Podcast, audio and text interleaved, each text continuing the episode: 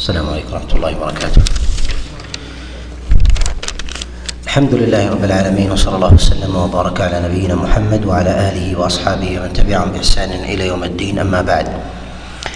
ففي هذا اليوم يوم الأحد في يوم العشرين من جماد الآخرة عام خمس وثلاثين بعد الأربعمائة والألف نكمل الأحاديث المتعلقة بأبواب الجنائز وتكلمنا على شيء من أحكام من أحكام الدفن. وفي هذا المجلس نتكلم على شيء من أحكام العزاء وشيء من أحكام الصلاة شيء من أحكام صلاة الجنائز. أول هذه الأحاديث هو حديث عبد الله بن جعفر عليه رضوان الله أن جعفر بن أبي طالب لما أصيب أو قتل قال رسول الله صلى الله عليه وسلم اصنعوا لآل جعفر طعاما فقد جاءهم أو اتاهم ما يشغلهم. هذا الحديث أخرجه الإمام أحمد رحمه الله في المسند وكذلك أبو داود والترمذي والنسائي والدار قطني والبيهقي وغيرهم يرونه من حديث خالد ابن سارة عن عبد الله ابن جعفر عن رسول الله صلى الله عليه وسلم.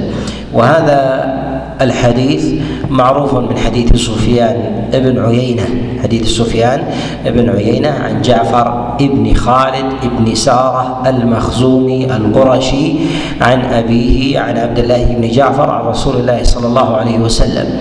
ورواه عن سفيان بن عيينة جماعة من الرواة من الأئمة الثقات كالحميدي والإمام أحمد ومسدد وغيرهم يروونه عن سفيان بن عيينة عن جعفر ابن خالد بن سارة به. وهذا الحديث قد تكلم تكلم فيه.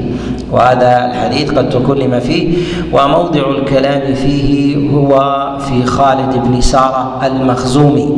خالد بن سارة المخزومي. وذلك أنه مستور الحال. ذلك أنه مستور الحال ولا يعرف له إلا حديثان. يعرف له هذا الحديث ويعرف له حديث آخر يرويه عنه ابنه جعفر بن خالد بن سارة عن أبيه عن عبد الله بن جعفر أن النبي صلى الله عليه وسلم حمل اثنين من ابني عبد المطلب على على راحلته.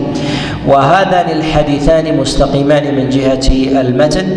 وأما من جهة الإسناد فإن خالد فإن خالد بن سارة مستور. والعلماء عليهم رحمة الله تعالى منهم من من يقوي هذا الحديث ويأخذ به ومنهم من يقول بعدم بعدم الأخذ به وذلك للجهالة في إسناده.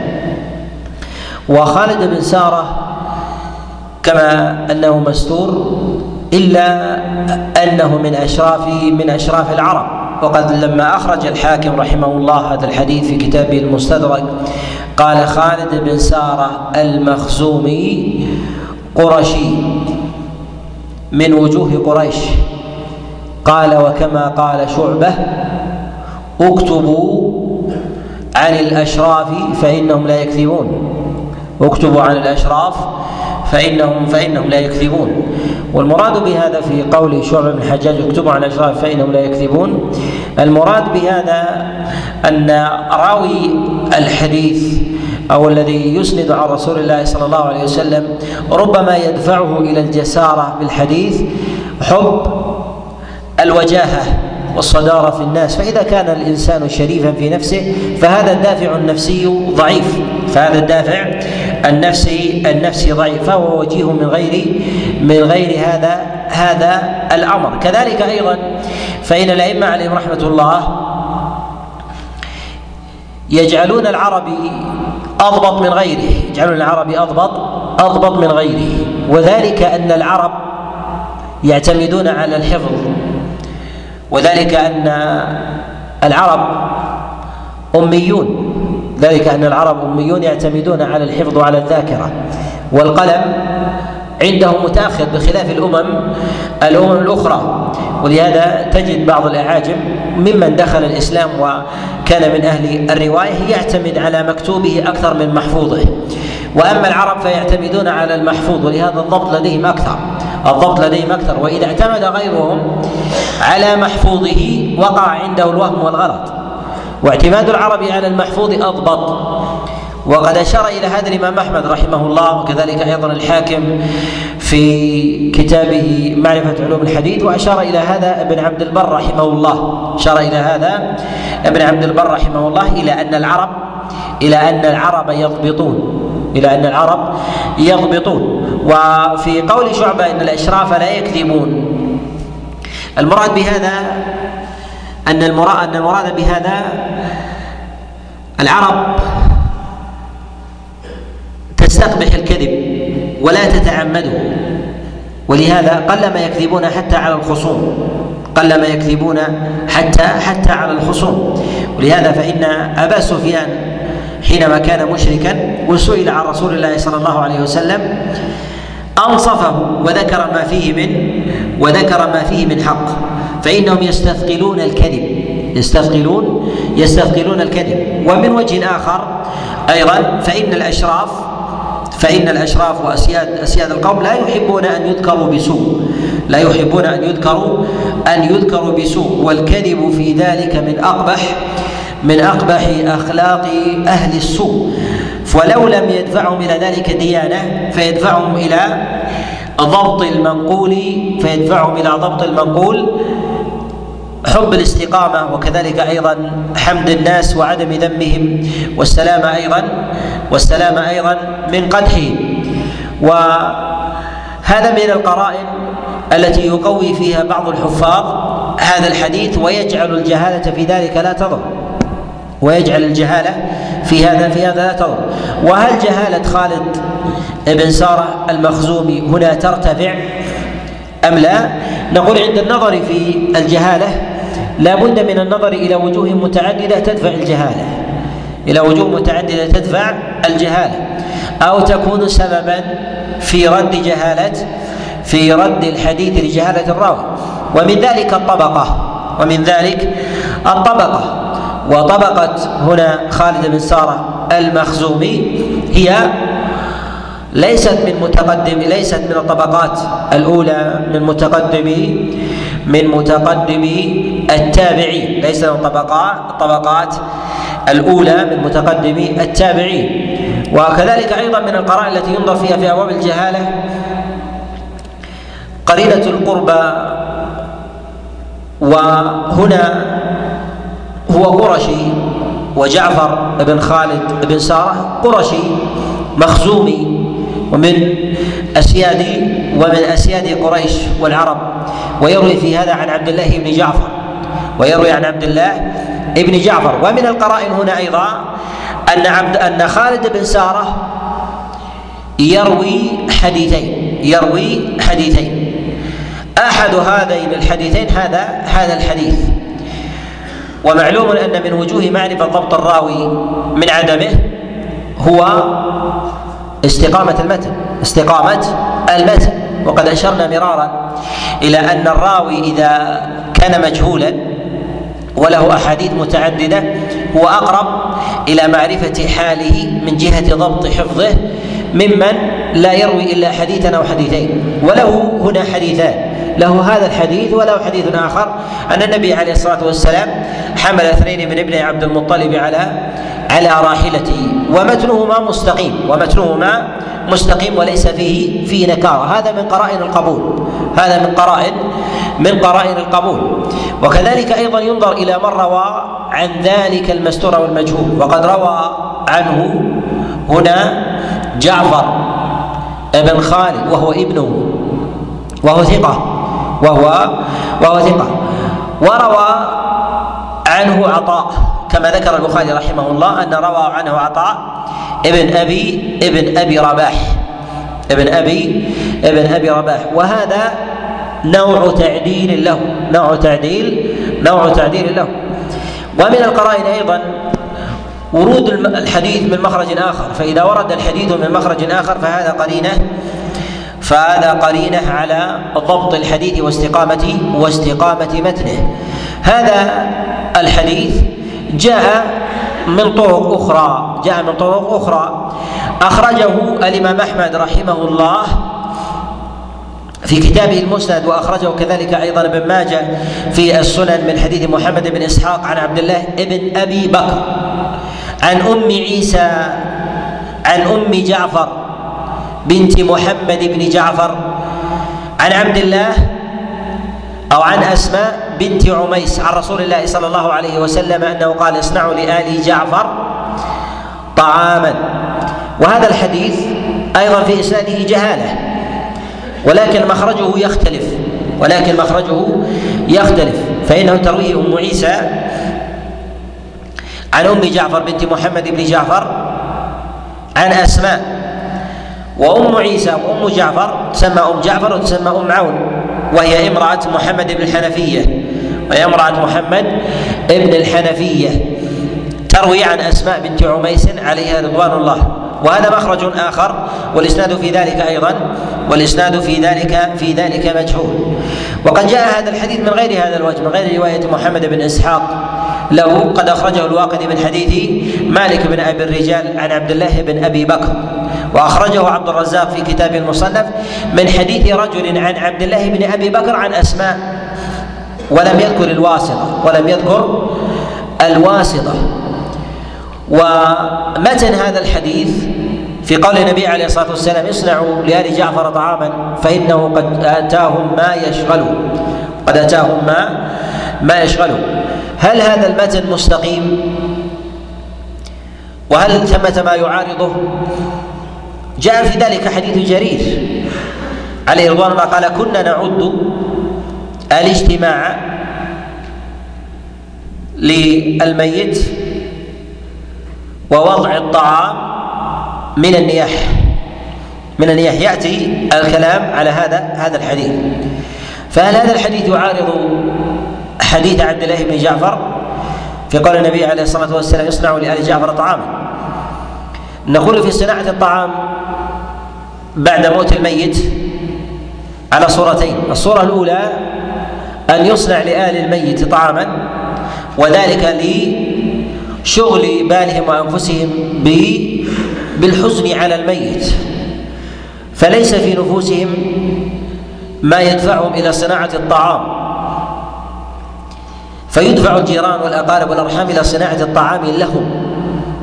الصورة الثانية أن يصنع آل الميت أو غير آل الميت طعاما للناس فيجتمعون في هذا الموضع شبيه بالوليمة فيدعى لها الناس فيدعى لها الناس. والصورة الأولى هي المعنية في حديث في حديث عبد الله بن جعفر حينما قال اصنعوا لآل جعفر طعاما. اصنعوا لآل لآل جعفر طعام فإنه قد جاءهم ما يشغلهم يعني يصنع لهم طعام. يصنع لهم لهم طعام.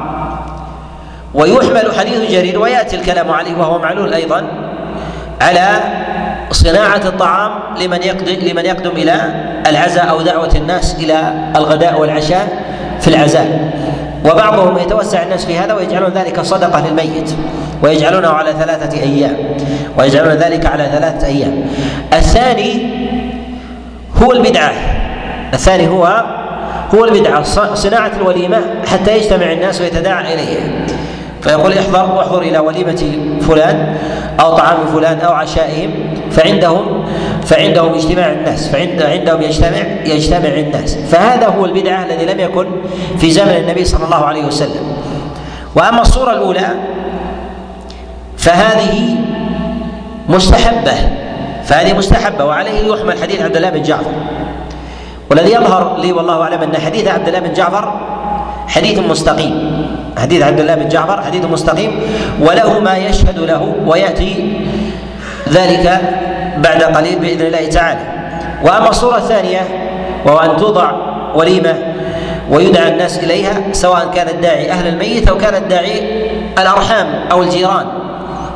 فهذا من فهذا يقال إنه لا أصل له بل هو منهي منهي عنه بل هو منهي منهي عنه. لكن لو أن الإنسان صنع طعاما أو صنع له طعام ثم جاء الناس على سبيل الاعتراض جاء الناس إلى سبيل الاعتراض فتناولوا الطعام مع أهل الميت فهذا مما لا بأس به فهذا مما لا بأس به شريطة أن لا يكون في ذلك دعوة فتصنع الوليمة كولائم كولائم الأفراح كولائم الأفراح فهذا فهذا لا أصل فهذا لا أصل له. ويدل على صناعة الطعام للميت أن النبي عليه الصلاة والسلام حث على صناعة الطعام للمحزون والمريض كما جاء في حديث عائشة عليه رضوان الله في الصحيحين ان ان النبي صلى الله عليه وسلم أمر بصناعة التلبينة للمريض والمحزون. قال فإنها تجم الفؤاد تجم الفؤاد وتذهب الحزن وتذهب الحزن. التلبينة هو نوع من من آه، الطعام ويصنع من آه، الدقيق ويطحن ويوضع معه شيء آه، من الحليب أو اللبن أو نحو ذلك. فهذا أوصى النبي صلى الله عليه وسلم إلى إلى أوصى النبي صلى الله عليه وسلم بصناعته للمريض. وكانت عائشة عليها رضوان الله تعالى كما في الصحيحين تصنعه إذا مات أحد من أهلها. كما جاء في البخاري ومسلم أنها قالت إذا مات الميت من أهلها وذهب النساء. وذهب النساء يعني من اجتمع من اجتمع للعزاء يعني أنه لا يصنع لهم وهذا يجمع بينه وبين حديث عبد الله بن جعفر ويفرق بينه وبين حديث جرير. قال فتصنع لهم تصنع لهم التلبين وهذا هذا يؤيد التفريق في آه، بين بين الصورتين. وكذلك أيضا لا حرج من صناعة الطعام لمن انشغل بالميت. إما بتكفينه وغسله والذهاب به وحفر القبر ودفنه ونحو ذلك وصناعة وصناعة الطعام له. فهذا مما لا حرج فيه. قد دل الدليل على هذا كما جاء عند أبي داود في سنن من حديث عاصم بن كليب عن أبيه قال أخبرني رجل من الأنصار أن رسول الله صلى الله عليه وسلم وقف على قبر رجل من أصحابه فقال لمن يدفنه؟ وسع من عند رأسه وسع من عند رجليه. قال فلما دفن قال أتاه داعي امرأته يعني داعي امرأة الميت إلى طعام فجاء أصحابه فأكلوا. جاءوا أصحابه فأكلوا. هذا ليست وليمة للعزاء ونحو ذلك ولكن تصنع لمن قام بشأن بشأن الميت ولو لم يكن من أهل الميت. ولو لم يكن من أهل من أهل الميت. الحديث الثاني في هذا في حديث في حديث عبد الله بن جعفر هنا في قوله يصنع لآل جعفر طعاما جاء من طرق أخرى. جاء من طرق أخرى عن النبي عليه الصلاة والسلام. جاء من حديث عبد الله بن عمر وجاء من حديث عبد الله ابن عباس عليه رضوان الله تعالى. الحديث الثاني هو حديث عبد الله بن عمر عليه رضوان الله. أن رسول الله صلى الله عليه وسلم قال لما أصيب جعفر قال اصنعوا لآل جعفر طعاما فإنه قد جاءهم ما يشغله. حديث عبد الله بن عمر أخرجه ابن عدي في كتابه الكامل من حديث سعيد بن الصباح. عن ورقاء بن عمر عن عمرو بن دينار عن عبد الله بن عمر عن رسول الله صلى الله عليه وسلم. وهذا الحديث تفرد به سعيد بن الصباح يرويه عن عمر بن ورقاء عن عمرو بن دينار عن عبد الله بن عمر عليه رضوان الله. وهذا الحديث حديث منكر بهذا الإسناد. أنكره ابن عدي في كتابه الكامل. ووجه النكارة أن هذا الحديث يرويه سعيد بن الصباح. سأذكر الإسناد وأذكر البلدان. سعيد بن الصباح النيسابوري يرويه عن ورقاء بن عمر الكوفي العراق. عن عمرو بن دينار المكي. عن عبد الله بن عمر المدني. وين العلة؟ الشيخ عبد الحكيم. ها؟ اختلفت البلدان ما فيها مجالسه ولا. هذا حديث قطع قطع مفاوز. سعيد بن الصباح نيسابوري وقال ابن عمر كوفي عراقي. جاء من نيسابور إلى إلى العراق. ومن العراق إلى عمرو بن دينار مكي. عن عبد الله بن عمر مدني ليسوا ثقات. نعم. طيب. وش العلة؟ ها؟ يقول ابن عبد ابن عدي رحمه الله في كتاب كتابه الكامل يقول وهذا الحديث بهذا الإسناد غريب جدا. غريب جدا. وأراد أن ينسبه قال إنما هو ابن عيينة يعني في مكة. إنما هو ابن عيينة عن جعفر عن أبيه عن عبد الله بن جعفر عن رسول الله صلى الله عليه وسلم. يعني ما خرج من الحجاز فهذا الدوران في هذه البلدان لا يناسب هذا الحديث. لا يناسب هذا هذا الحديث. وهذا تنبيه للذين ينظرون إلى الأسانيد وينظرون إلى الرواة منفردين ولا ينظرون إلى ولا ينظرون إلى تباين البلدان. إلى تباين البلدان وما أخرج هذا الحديث من المدينة. ثم لا يبقى فيهم ثم لا يبقى فيهم هذا أمارة على النكارة أمارة على على النكارة. وهذا الحديث تفرد به سعيد ابن الصباح عن ورقة بن عمر عن عمرو بن دينار عن عبد الله ابن عمر. ونقول إنه حديث منكر إنه حديث حديث منكر بهذا بهذا الإسناد.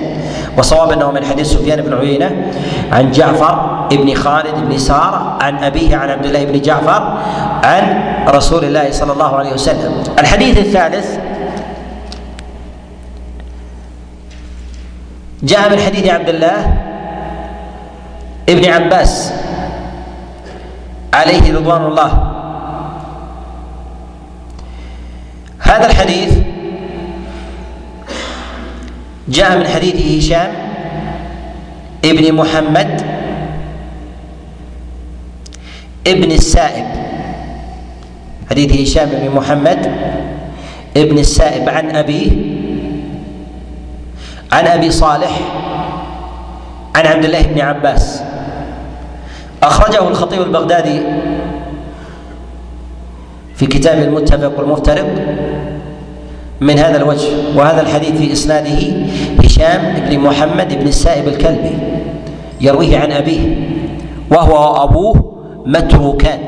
قد تفرد بهذا الحديث وعلى هذا نقول إن هذا الحديث أيضا إن هذا الحديث حديث حديث منكر إن هذا الحديث حديث منكر بهذا بهذا الإسناد. ويغني عن ما جاء في حديث عبد الله ابن جعفر ابن جعفر السابق.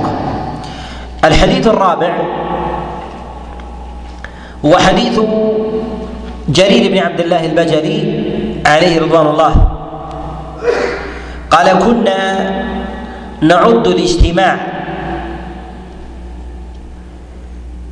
على الميت ووضع الطعام من النياح. هذا الحديث أخرجه الإمام أحمد في مسنده وابن ماجه في السنن من حديث هشيم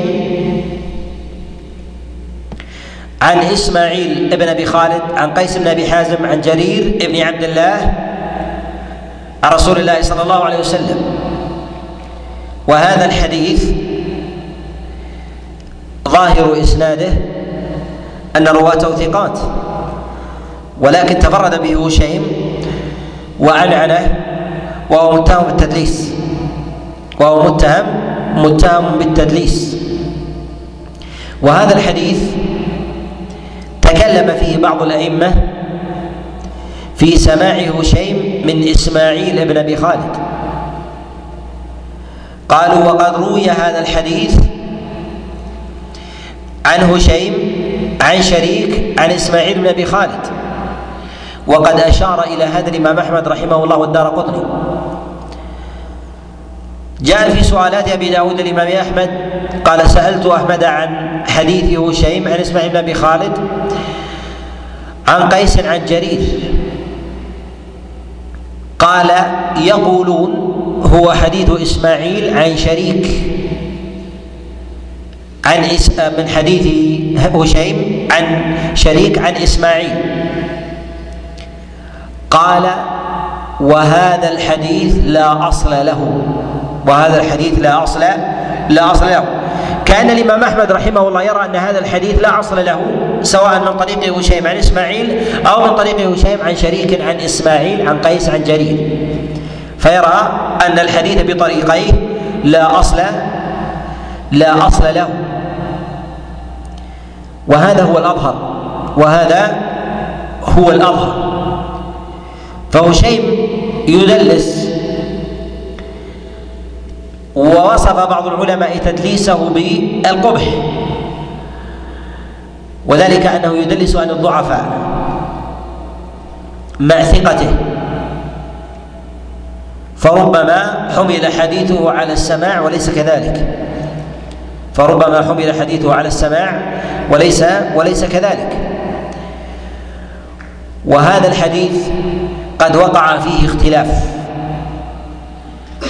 من جهة الإسناد واختلاف من جهة المتن. أما من جهة الإسناد فعلى ما تقدم الإشارة إليه أن هذا الحديث اتهم فيه فيرويه هشيم عن إسماعيل عن قيس عن جرير. وجاء أنه من حديث من حديث هشيم عن شريك عن إسماعيل عن قيس عن جرير. وهذا اختلاف فيه.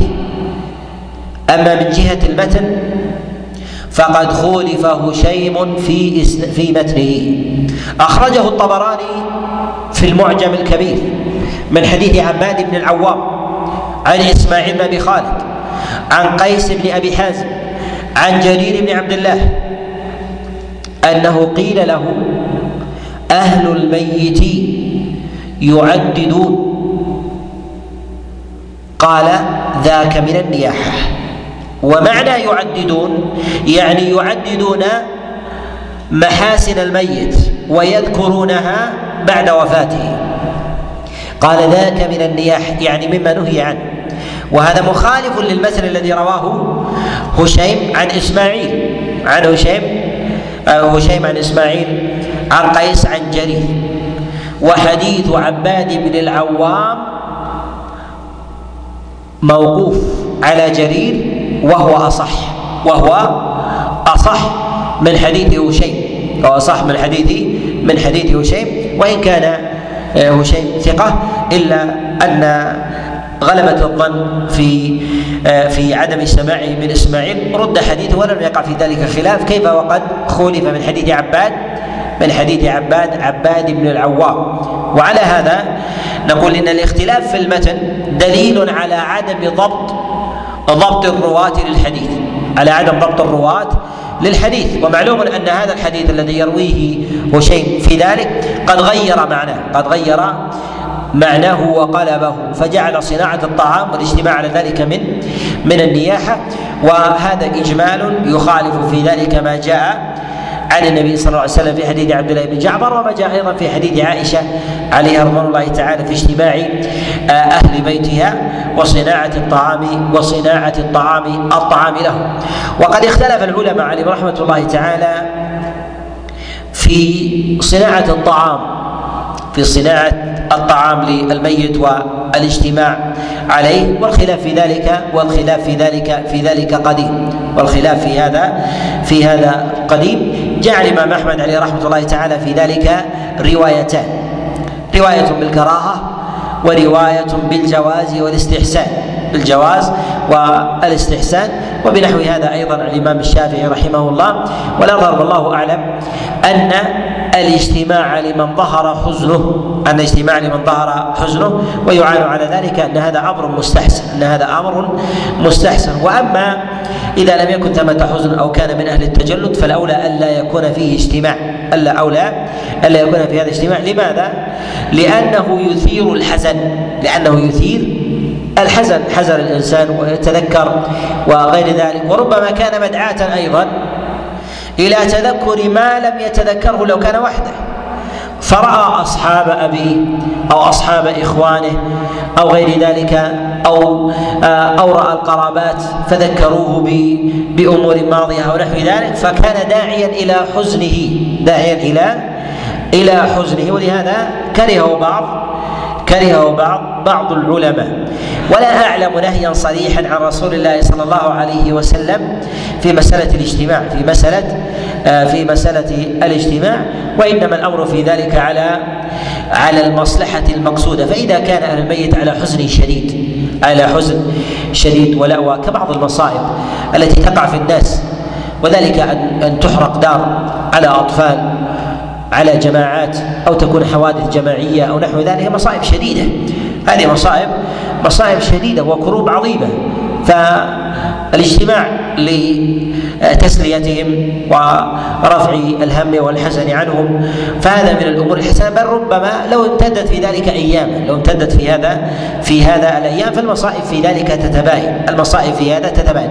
أما أن تجعل عادة أن تجعل عادة في العزاء حتى من غير من غير هم أو حزن. وذلك أن بعض آه، الموتى ونحو ذلك من غلب عليه المرض كالذين مثلا يموت دماغيا ويبقى في المستشفيات لأعوام ونحو ذلك حتى نفوس أهله قد ضعفت تجاهه من التعلق به لأنهم يعلمون أنه أنه أنه إلى الموت إلى الموت أقرب. فأن يصنع الناس العزاء على كل حال ولا يفرقون بين شدائد الأحوال وغيرها حتى يتخذ ذلك حتى يتخذ ذلك ديدنا وعادة. هذا هذا خلاف خلاف السنة. هذا خلاف السنة. الحديث الخامس هو حديث أبي هريرة عليه رضوان الله أن رسول الله صلى الله أن رسول الله صلى الله عليه وسلم رفع يديه في التكبيره الأولى على الجنازة.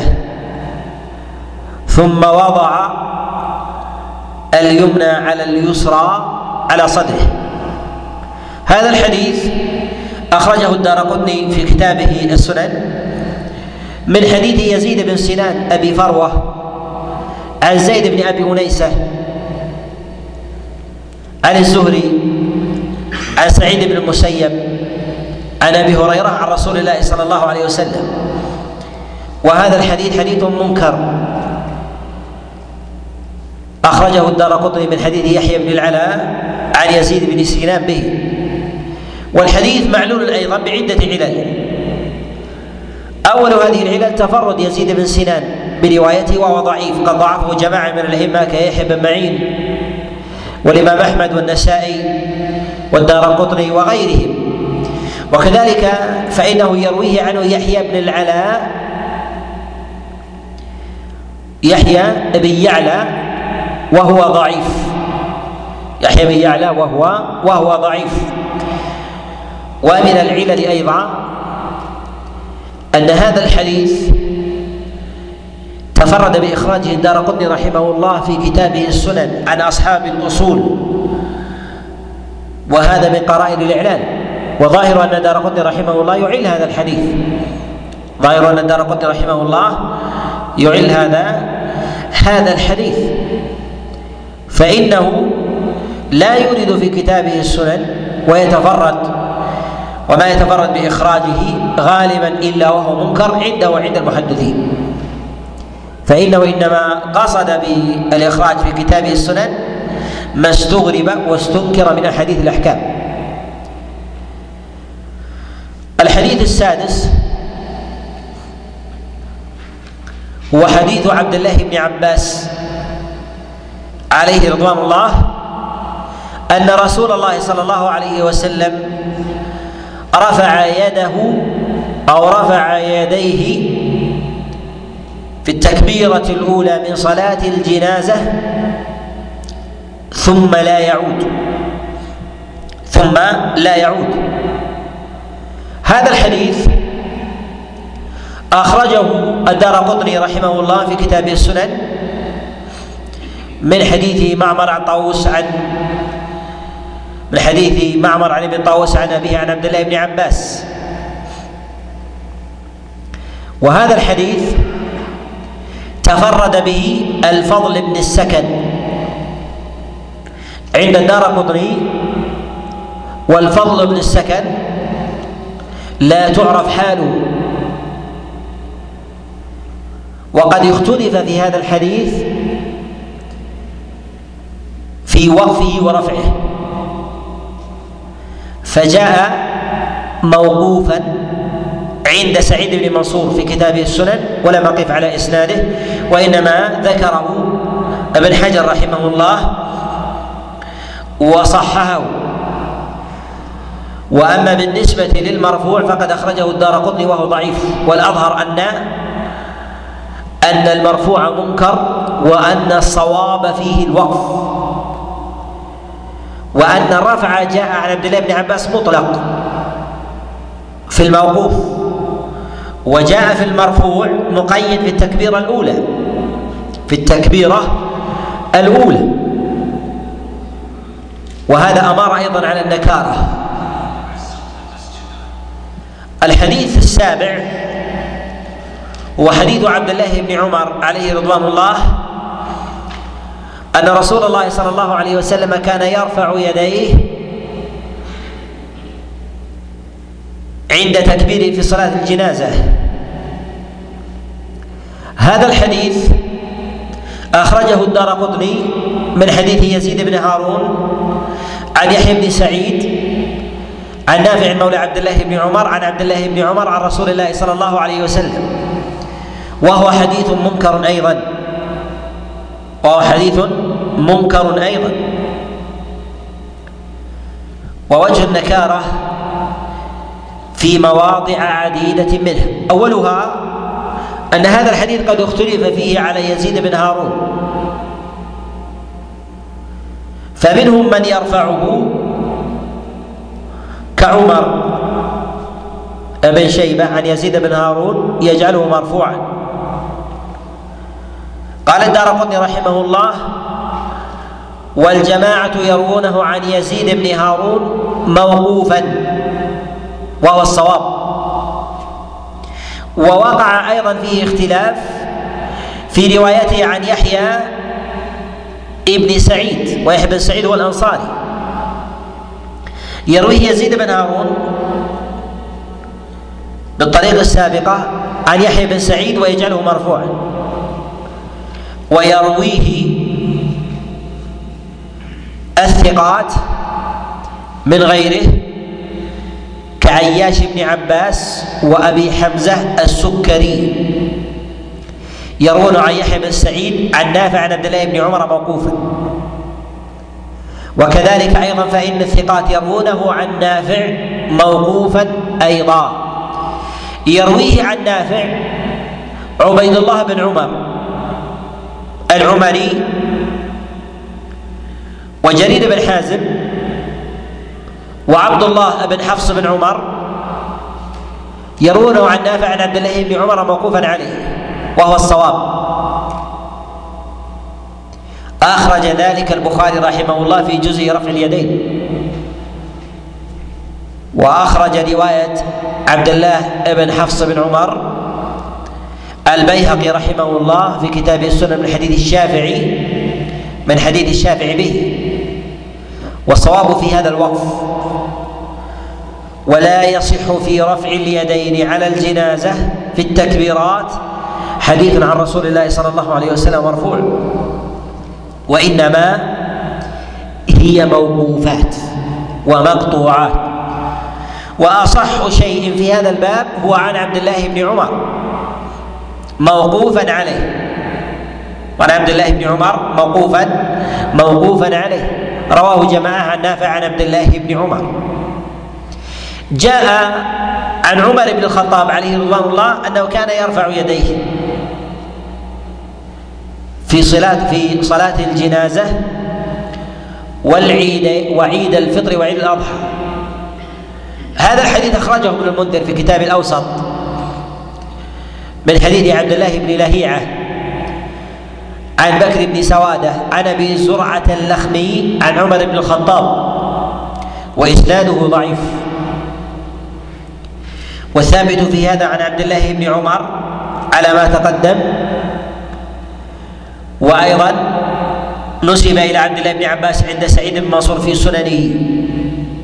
وهكذا كان يعمل بهذا أهل الطبقة الأولى من فقهاء السلف من التابعين. فقد جاء ذلك عن قيس بن أبي حازم فيما رواه البخاري في جزء رفع اليدين وابن أبي شيبة في المصنف من حديث عمر بن أبي زائدة. قال صليت خلف قيس بن أبي حازم على الجنازة فكان يرفع يديه عند التكبير. وجاء ذلك أيضا عن عطاء بن أبي رباح وعن عمر بن عبد العزيز. ولا أعلم احدا من أصحاب رسول الله صلى الله عليه وسلم ثبت عنه خلاف ذلك. ومسألة رفع اليدين في صلاة الجنازة وهذا من الفوائد الفقهية أن رفع اليدين في صلاة الجنازة ورفع اليدين في صلاة العيدين في الفطر والأضحى حكمها عند الفقهاء سواء. من قال لا يرفع هنا يقول لا يرفع هنا. ومن قال يرفع هنا يقول يرفع هنا. ومن قال يرفع في الأولى فقط ولا يرفع البقية يقولها في الجنازة ويقولها في العيدين في العيدين في الفطر والأضحى. ولهذا يقول الإمام أحمد رحمه الله والشافعي برفع اليدين عند كل تكبيرة. في الجنازة والفطر والأضحى. ويقول الإمام مالك رحمه الله ليس في ذلك سنة. ليس في ذلك سنة. وهل هذا ومعلوم أن الإمام مالك رحمه الله يأخذ بقول عمر عبد الله بن عمر. فكيف الجمع بين هذا وهذا؟ نعم يريد المرفوع. ولهذا قال ليس في ذلك سنة لازمة. ليس في ذلك سنة لازمة. قال والرفع في الأولى أحب إلي يعني أنه يرفع في الأولى فقط ثم ولا يرفع في الباقي ولا يرفع في الباقي ولكن نقول بما أنه ثبت عن الصحابة وثبت عن العليه من كبار التابعين كقيس بن أبي حازم وجاء أيضا عن عطاء وجاء عن عمر بن عبد العزيز أنه يرفعون في كل تكبيرة نقول حينئذ بأنه هو الأولى نقول هو هو الأولى. يليها بعد ذلك في الرجحان ومن قال بأن رفع اليدين يكون في التكبيرة الأولى ثم بعد ذلك لا لا يرفع والأمر في ذلك على السعة والله أعلم. وصلى الله وسلم وبارك على نبينا محمد.